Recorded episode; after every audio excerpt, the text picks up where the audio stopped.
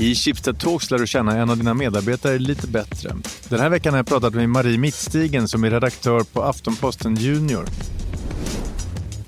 Hon berättar om hur man pratar med barn om corona, vad hon är stoltast över i karriären och slutligen levererar hon ett riktigt bra Schibsted-hack.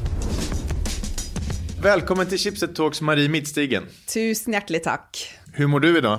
I dag har jeg det fint. Det, sola skinner her i Oslo. Jeg sitter på mitt uh, lille hjemmekontor. Hvordan ser det ut på ditt hjemmekontor?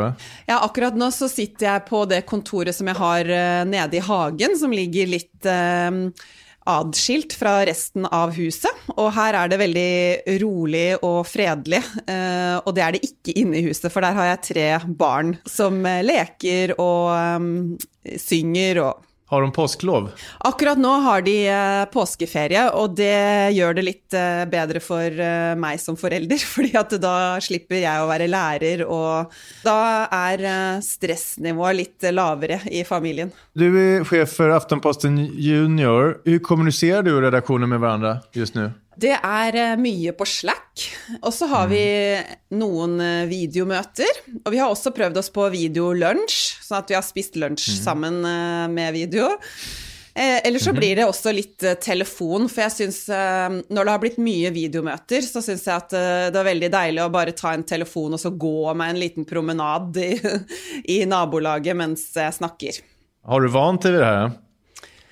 Ja, jeg har egentlig begynt å venne meg litt til det. Eh, Jeg syns at eh, da den første beskjeden kom at vi skulle jobbe hjemmefra, så var jeg jo selvfølgelig veldig spent på hvordan det skulle gå med produksjonen og publiseringen når alle satt hjemme. Men eh, jeg syns jo det har gått veldig bra. Vi har veldig god kommunikasjon med teamet og folk rundt.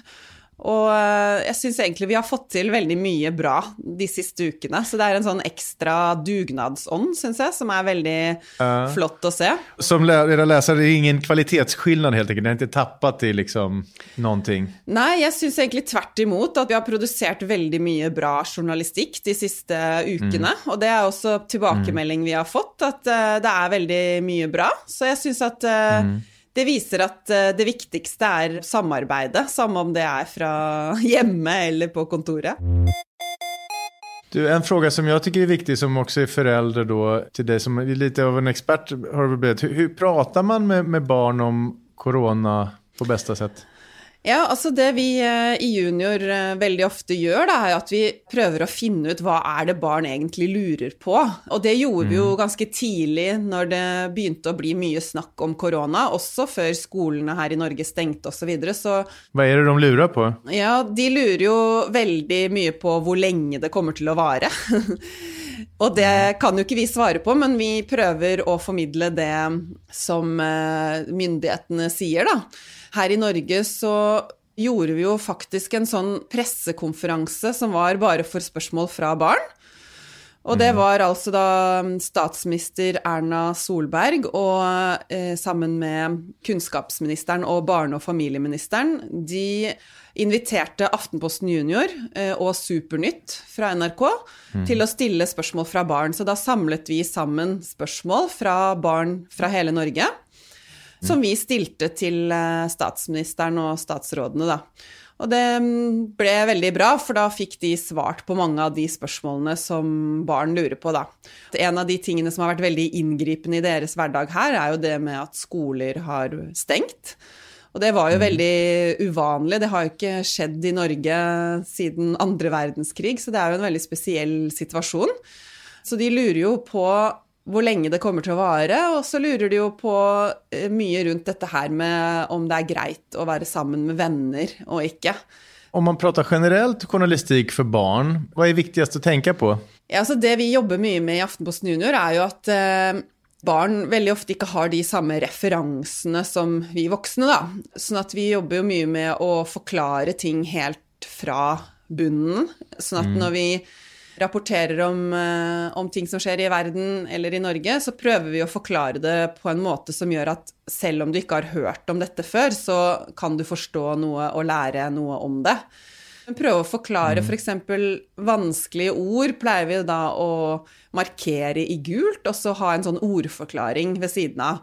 Og det er jo også en sånn viktig måte å øke sin egen begrepsforståelse på. Da. Og det er jo undersøkelser og forskning som viser at jo flere begreper eh, du kan, jo bedre deltar du i samfunnet. Sånn at dette med å forstå begreper er en viktig del for um, demokratiet.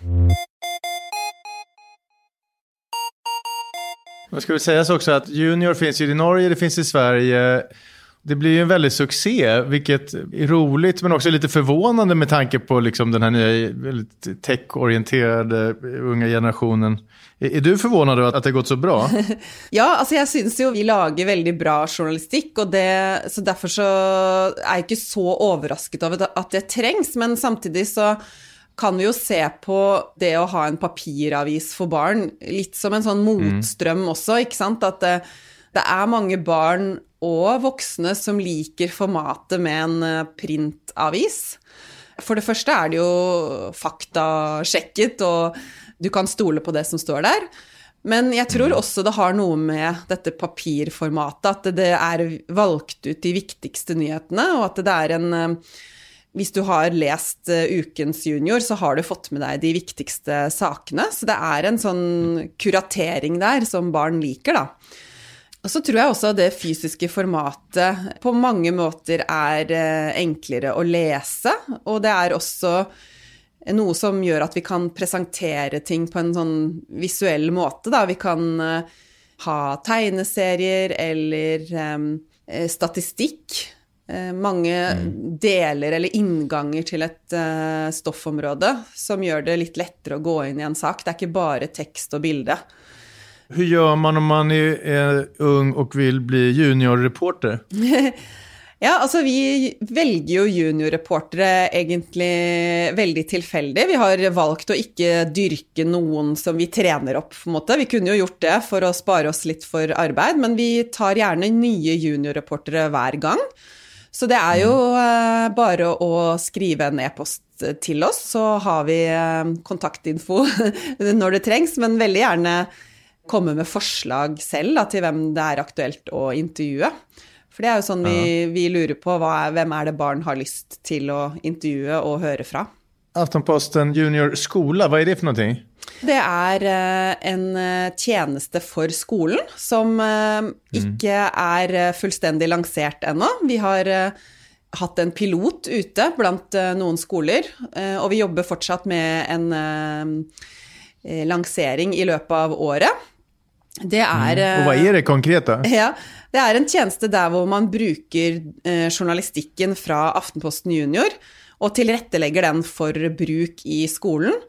Og det mm, betyr jo annet at man eh, lager oppgaver eller eh, forskjellige typer eh, pedagogiske tilnærminger. Så vi har jo da mm. ansatt en lærer som kan hjelpe oss med å tilrettelegge det for skolen.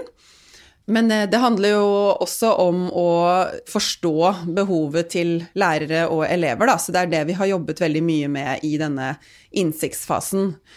Men det som er litt spennende akkurat nå, da, i forbindelse med at skolene stengte nå i forbindelse med koronautbruddet, så yes. Eh, valgte vi å gjøre Aftenposten Junior, altså vår avis, tilgjengelig digitalt helt gratis. Og det var helt enorm respons på det. Det ble veldig fort delt i mange store lærergrupper, f.eks. på Facebook, så det var veldig mange lærere som fikk det med seg og begynte å gi Aftenposten Junior som, som skolearbeid til uh, elevene som skulle jobbe på hjemmeskole. Så den, ja, så den, uh, den, digitale utgaven av Junior, den uh, pleier å være lest sånn rundt 1000 ganger i uka, og nå Eh, er vi eh, oppe i over 300 000 lesninger. Eh, så det har jo blitt en vanvittig Per uke? ja. Nei, eller i den perioden oh, som skolen har vært stengt nå, da.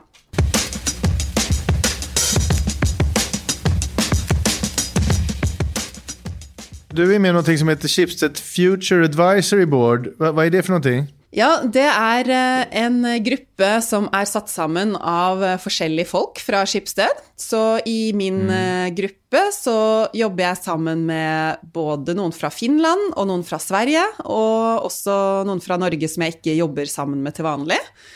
Det er tre sånne forskjellige grupper, og alle tre har fått forskjellige oppgaver å jobbe med.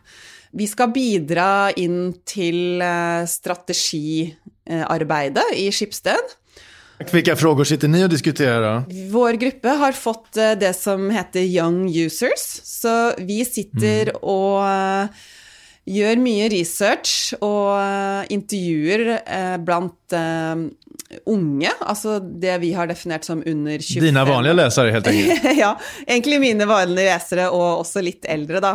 Ja. Og vi ser særlig på de fra 15 til 25 år, for det er jo mm. en gruppe som har veldig annerledes medievaner enn oss voksne.